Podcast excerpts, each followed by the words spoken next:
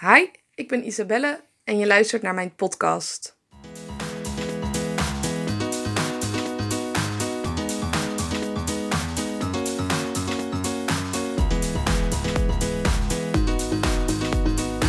Zo, ik zit nu weer in de auto, net als eh, de vorige podcast. En nu ben ik helaas niet onderweg naar mijn moeder, want die is gisteren is ze overleden. En het, is, voelt heel gek, want het is ook weer alsof het heel lang geleden is allemaal dat het is gebeurd. Omdat we allemaal ook weer heel erg bezig zijn met oké, what's next? Wat gaan we nu doen? Wat is de volgende stap? We hebben vandaag de hele dag met de begrafenisondernemer om de tafel gezeten. En al heel veel dingen ondernomen. En we zijn ook heel veel, toen mijn moeder er nog was, bezig geweest met de begrafenis. Om het zo te maken zoals zij dat wilde. En daar ga ik het vandaag allemaal niet over hebben. Ehm, maar wat ik wilde, wilde delen van hen, naast dat, dat stukje doorgaan. Ehm, hoe, hoe zorg je ervoor dat je dat kan? Ik krijg een heleboel berichtjes via, via Instagram ook, via de app. Van hè, een stukje van gecondoleerd. Maar ook een complimentje van wat knap dat jij dat kan. En wat knap dat je zo sterk kan zijn. En ik kan me niet voorstellen hoe het is dat ik zoiets zou moeten meemaken. Of ik weet hoe het is. En ik, ik was daar heel anders in. En ik wil jullie graag daarin wat meegeven wat mij heel erg helpt om zo door met, op die manier ermee om te kunnen gaan. Want ik begrijp heel goed dat het absoluut niet vanzelfsprekend is. En als je mij een paar jaar geleden had gevraagd van hoe zou je reageren als je moeder zou komen te overlijden. Nou, dan had ik echt wel geantwoord van ik zou echt dagenlang, wekenlang of maandenlang van slag zijn. En kom mijn bed niet meer uit en mijn hele leven stort in. En ik zeg het nu een klein beetje sarcastisch, maar ik meen het echt. Ik zou dat op dat moment echt zo gevoeld hebben. En nu totaal niet. En dat is niet omdat ik niet van mijn moeder hou of eh, dat, dat ik er niet mis. Ik mis er ontzettend. Um, maar, maar qua mindset sta ik er nu heel anders in. Dat ik uh, veel beter mezelf ook kan faciliteren van de dingen die ik nodig heb. En de dingen die mij beter maken in plaats van de dingen die mij slechter maken. Want het is heel verleidelijk om natuurlijk in je bed te kruipen en daar de hele dag te liggen en niks te doen en te huilen. En het voelt op dat moment alsof je dat moet doen. Maar dat is niet wat je echt nodig hebt. En wat ik in deze podcast met jullie wil bespreken is: hè, hoe krijg je nou wat je echt nodig hebt? En de eerste stap is om daarover na te denken: van hè, wat heb ik nou echt nodig? Wat zou mij nou verder helpen? En wat lukt mij dan zelf niet? En dan gaat het om een stukje hulp vragen aan andere mensen. En dat is wat mij nu enorm helpt. Uh, om, om hulp te vragen aan andere mensen van dingen die ik zelf niet kan doen. Of waar ik zo weinig zin in heb om te doen. Dat het heel fijn is dat iemand dat voor mij kan doen.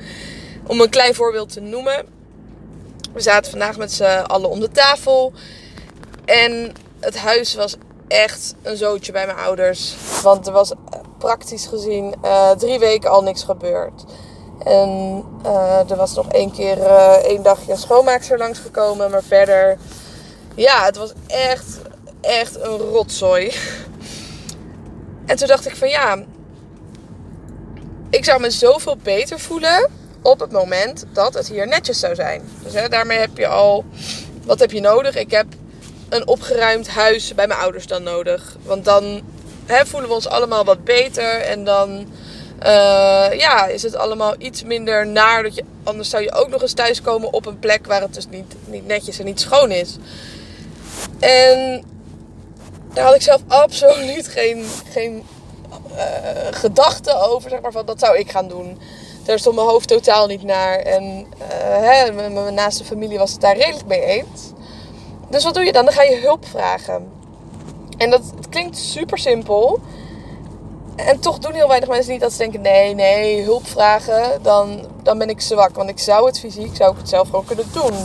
Dus waarom, waarom zou ik het dan niet gewoon zelf doen? En dat is ook een gedachte die ik heb: van hè, ik kan, fysiek gezien kan ik prima schoonmaken. Dus niks mis met mijn handen. En ik ben, ik ben gezond, ik ben dankbaar dat ik gezond ben. Dus waarom zou ik het niet doen?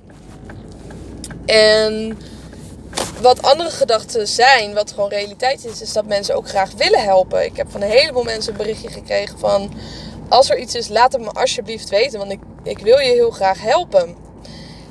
En psychologisch gezien hè, beseffen we vaak niet van andere mensen hoe moeilijk het is om hulp te vragen.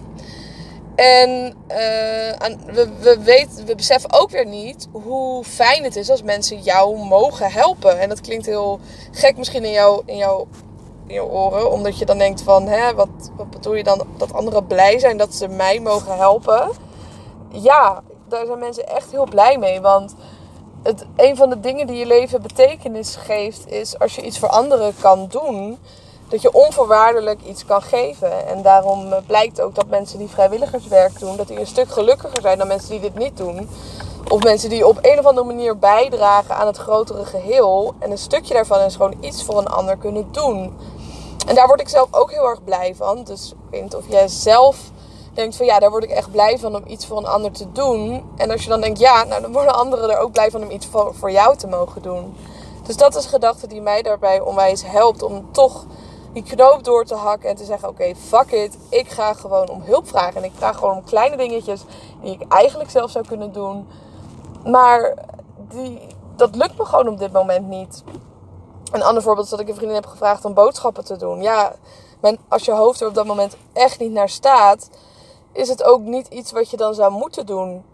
En om een ander voorbeeld te noemen, als ik kijk bijvoorbeeld in de sportschool, soms weet ik gewoon niet hoe een apparaat bijvoorbeeld werkt. Of hoe ik iets moet gaan verstellen. Of... En normaal gesproken ben ik wel iemand die eerst zelf dingen wil uitproberen. Hè? Eerst even zelf een beetje struggelen. Als je merkt dat het echt niet lukt en dat je constant maar aan het aanhikken bent tegen een punt. Dat je denkt van ja, dit, dit kost mij meer energie dan dat het me oplevert. Waarom zou je dan niet om hulp vragen met iets? Hè? En dan noem ik het voorbeeld van de sportschool. Misschien trainen jullie niet allemaal. En denk je van, nee, dit, dit resoneert niet helemaal bij mij. Ik, ik begrijp dat niet helemaal. Uh, maar als je gewoon een situatie voorstelt waarbij je ergens niet uitkomt. En ik denk dat we allemaal wel een situatie kunnen bedenken. Dat je mega gefrustreerd raakt omdat je gewoon het antwoord niet weet. Dat je denkt, ja, ik voel me zo dom dat ik dit niet weet of dat ik dit niet kan. En dan kan je twee dingen doen. Dan kan je daarover gaan stressen en denken van, ja, ik kan het niet en ik ben dom. En welke dingen daar ook bij komen kijken die je tegen jezelf zult gaan zeggen of die je al zegt.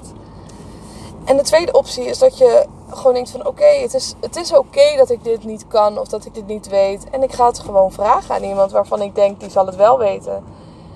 En daar ga je jezelf zoveel meer rust uh, door geven.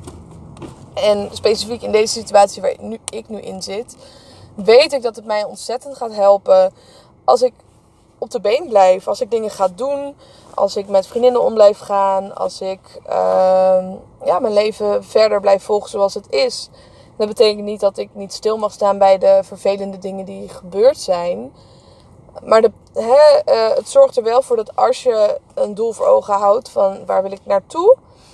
En je faciliteert jezelf van de middelen die daarvoor nodig zijn. Door hulp te vragen.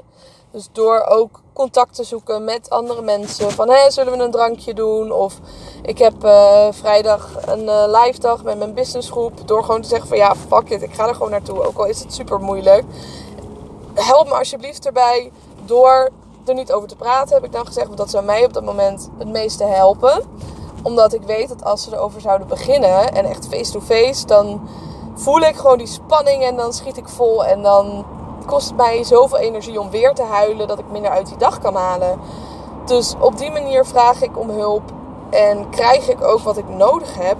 Waardoor mijn proces ook beter kan verlopen. Waardoor ik het nou ja, niet alleen sneller verwerk, maar ook gewoon een beter plekje kan geven. Dat het allemaal ietsjes minder pijn doet. En dat gun ik jullie ook ontzettend. Om gewoon die hulp te gaan vragen. Het kunnen echt hele kleine dingetjes zijn. Je hoeft niet meteen hè, groots het aan te pakken. En uh, hoe word ik miljonair? Of uh, whatever, wat voor doel je hebt.